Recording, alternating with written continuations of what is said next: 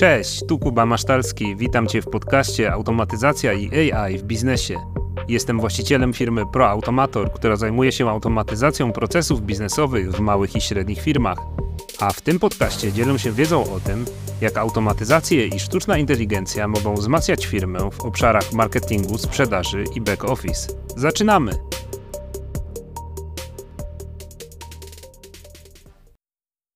Dlaczego warto zostać właścicielem swoich treści?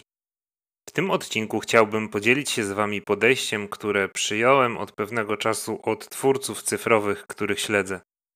Podejście to polega na tym, by być właścicielem wszystkich treści, które tworzymy i publikujemy, czy też tworzy i publikuje je Twoja firma lub agencja, która dla Ciebie pracuje. Tekstów na różnych mediach społecznościowych, obrazów, filmów, artykułów, newsletterów, czy też nagrań podcastu. Opowiem również o tym, dlaczego jest to bardzo istotna kwestia w kontekście automatyzacji. Zacznijmy jednak od tego, skąd w ogóle tytuł tego odcinka, bo sugeruje on, że ty czy twoja organizacja możecie nie być właścicielami swoich treści. I dokładnie to miałem na myśli. Weźmy jako przykład posty w mediach społecznościowych, na LinkedInie, Facebooku czy Instagramie.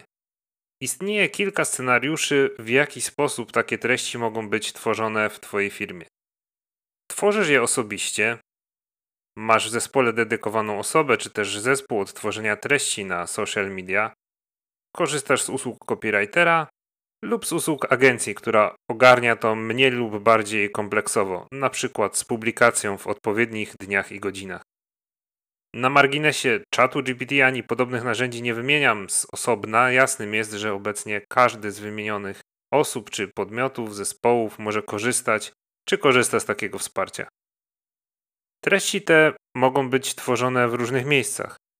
Po pierwsze, mogą być tworzone bezpośrednio w danym medium społecznościowym, czyli bezpośrednio w okienku na LinkedInie czy Facebooku, co jest rozwiązaniem bardzo niekorzystnym, ale o tym więcej za chwilę. Po drugie, takie treści mogą być tworzone w narzędziu do wysyłki tych treści, na przykład w narzędziu do marketing automation, takim jak MailChimp, MailerLite, GetResponse, czy innym setek tego typu narzędzi. Może to też być narzędzie do obsługi mediów społecznościowych, jak HotSuite, Publer czy Buffer. Po trzecie, te treści mogą być tworzone w edytorach tekstowych jak Word, Google Docs, Pages, czy w aplikacjach kombinach, takich jak na przykład Notion czy ClickUp.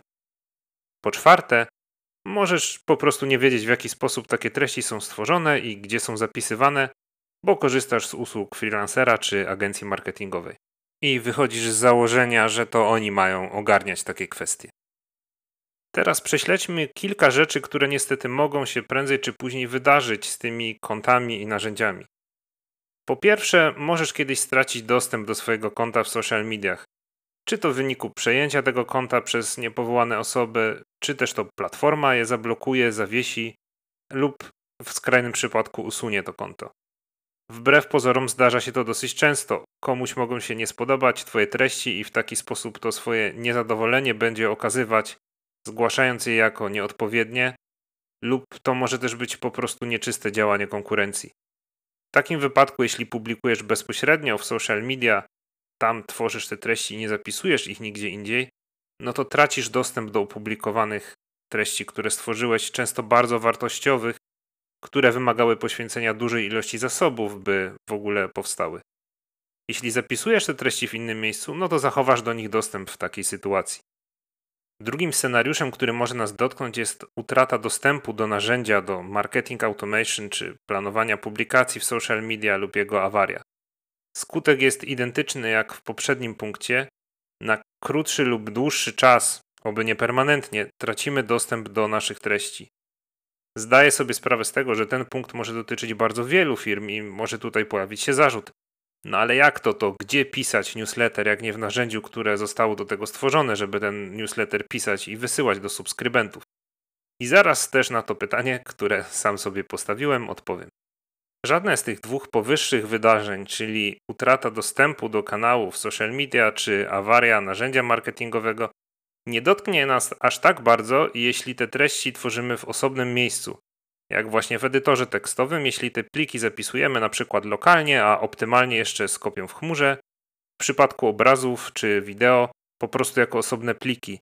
Jednak dostęp do takich treści jest wtedy później utrudniony o tyle, że musimy dbać o dobre nazewnictwo i umiejscowienie we właściwych folderach, a kiedy ta organizacja nawet jest dobra, to musimy ręcznie przeklikać się przez te wszystkie foldery i pliki, by dotrzeć do tych treści. Swoją drogą w przypadku adresów mailowych, które mogą być naszym najcenniejszym zasobem marketingowym, sytuacja jest analogiczna.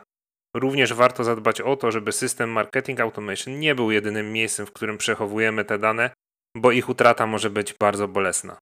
Wracając do samych treści. W przypadku narzędzi takich jak wspomniane Notion, ClickUp i podobne, w których te treści można zapisywać w formie bazy danych, przypisywać konkretnym osobom, powiązać ze statusami, zadaniami, w skrócie wieloma innymi informacjami i parametrami, sytuacja wygląda już znacznie lepiej. Niekoniecznie to właśnie tamte treści muszą powstawać, bo można je po prostu wkleić z edytora tekstu, z którego korzysta osoba tworząca te treści. A w przypadku dźwięków, obrazów i filmów, w zależności od funkcjonalności takiego narzędzia, mogą przechowywać całe pliki lub linki do tych plików. Oczywiście dostęp do tych narzędzi również można utracić, stąd warto zadbać o kopię tych danych w innej lokalizacji. Osobiście korzystam z połączenia Notion i Airtable, które bazuje na informacjach zapisywanych w tabelach z różnymi rodzajami pól i widokami. Oczywiście w przypadku, gdy te treści tworzone są na zewnątrz, w agencji, warto zadbać o to, by były nam one udostępniane w formie edytowalnej, w formacie, którego oczekujemy, na który się umówimy i byśmy zawsze mieli je zapisane na naszych serwerach, w naszych chmurach, w taki sposób, byśmy mogli z nich później bezproblemowo korzystać. No dobra, ale możesz zapytać, jaki to ma wszystko związek z automatyzacją? Załóżmy teraz optymalny w mojej ocenie scenariusz, w którym treści, które tworzymy, zapisywane są co najmniej w dwóch lokalizacjach, z czego jedna umożliwia dostęp do tych treści dla automatyzacji.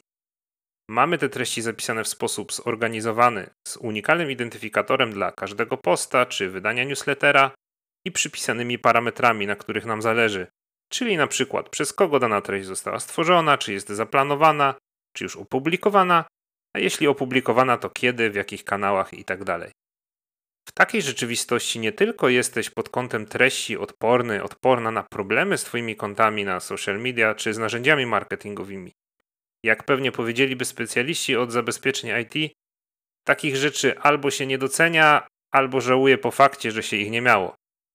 Bardzo istotne jest jednak również, i to jest niejako clue tego odcinka, że taki sposób organizacji treści i dostępu do nich umożliwia Ci ich redystrybucję, recykling i to w zautomatyzowany sposób, niezależnie od ich długości, formatu i miejsca publikacji.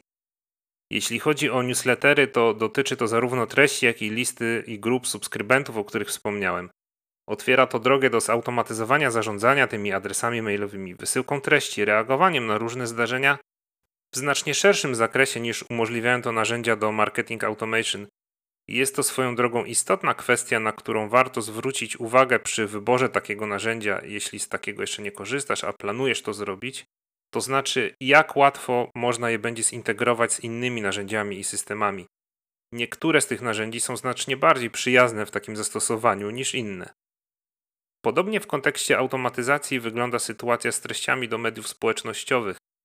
Załóżmy dla przykładu, że Twoja firma stworzyła serię długich wpisów na LinkedInie, w których zawarte jest sporo eksperckiej treści, natomiast teraz chcielibyście wyjść na rynki zagraniczne i nie tworzyć wszystkich treści od nowa, tylko przetłumaczyć na język angielski czy niemiecki te treści, które już zostały stworzone i systematycznie je publikować na przykład na Medium, Twitterze czy X czy w innym miejscu.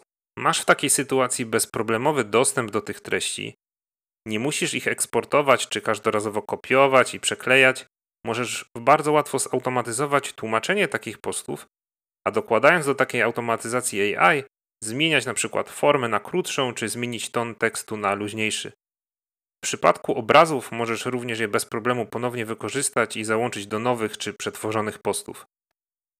I do tego Cię zachęcam, by zadbać o to, żeby w Twoim konkretnym przypadku, Twoim zespole, Twojej firmie treści były zapisywane i organizowane w taki sposób, byście byli ich rzeczywistymi właścicielami, a później dzięki automatyzacjom, by treści te mogły dla Was jeszcze wielokrotnie pracować. To wszystko na dzisiaj. Zapraszam Cię do śledzenia tego podcastu na platformie, z której korzystasz. Tymczasem cześć, do usłyszenia.